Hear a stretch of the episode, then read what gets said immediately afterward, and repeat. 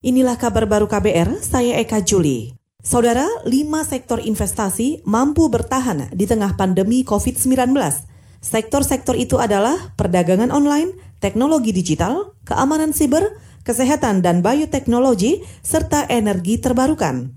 Direktur Pemberdayaan Usaha Badan Koordinasi Penanaman Modal atau BKPM Randi Anwar kepada Antara menyebut sektor-sektor itu bisa dipertimbangkan untuk menjadi target promosi setelah wabah virus corona berakhir.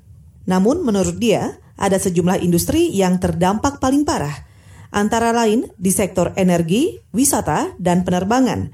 Karena itu, untuk bisa menjaga daya tarik investasi di tanah air, pemerintah melakukan kebijakan fiskal dan non-fiskal. Provinsi Jawa Barat berpotensi menjalani pandemi COVID-19 selama tiga tahun mendatang. Hal itu disampaikan ahli epidemiologi Universitas Pajajaran Panji Fortuna Hadi Sumarto. Menurut dia, potensi itu diketahui dari permodelan simulasi penyebaran COVID-19 di Jawa Barat, meski dilakukan beberapa kali pembatasan sosial berskala besar atau PSBB. Kata dia, PSBB menurunkan angka transmisi, tapi tidak total tetapi masih ada sisa transmisi yang menyebabkan kita masih melihat ada kasus-kasus baru uh, setiap hari dari hari ke hari. Dan kalau ini uh, berjalan terus, kita berpotensi mengalami wabah ini sampai pertengahan tahun atau awal tahun 2024. Jadi waktunya cukup lama dan yang sakitnya bisa jutaan orang.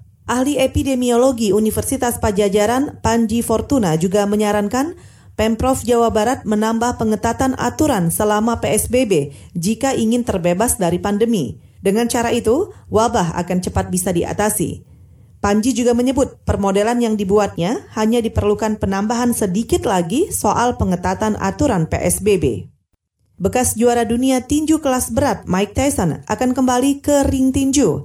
Hal itu disampaikan Tyson melalui sebuah video yang diposting di Instagram miliknya minggu ini. Dalam video itu juga tampak Tyson tengah berlatih.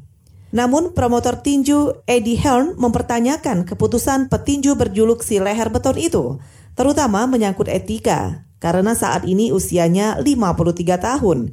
Ia mengakui ada pihak yang mendekatinya untuk mempromosikan pertarungan Mike Tyson. Namun promotor tinju Eddie Hearn juga merasa prihatin membiarkan legenda tinju itu kembali ke atas ring ia menyebut ada garis yang jelas antara integritas dari olahraga dan hiburan. Tugas dia, kata Hearn, adalah memastikan semua itu tepat. Saudara, demikian kabar baru. Saya Eka Juli.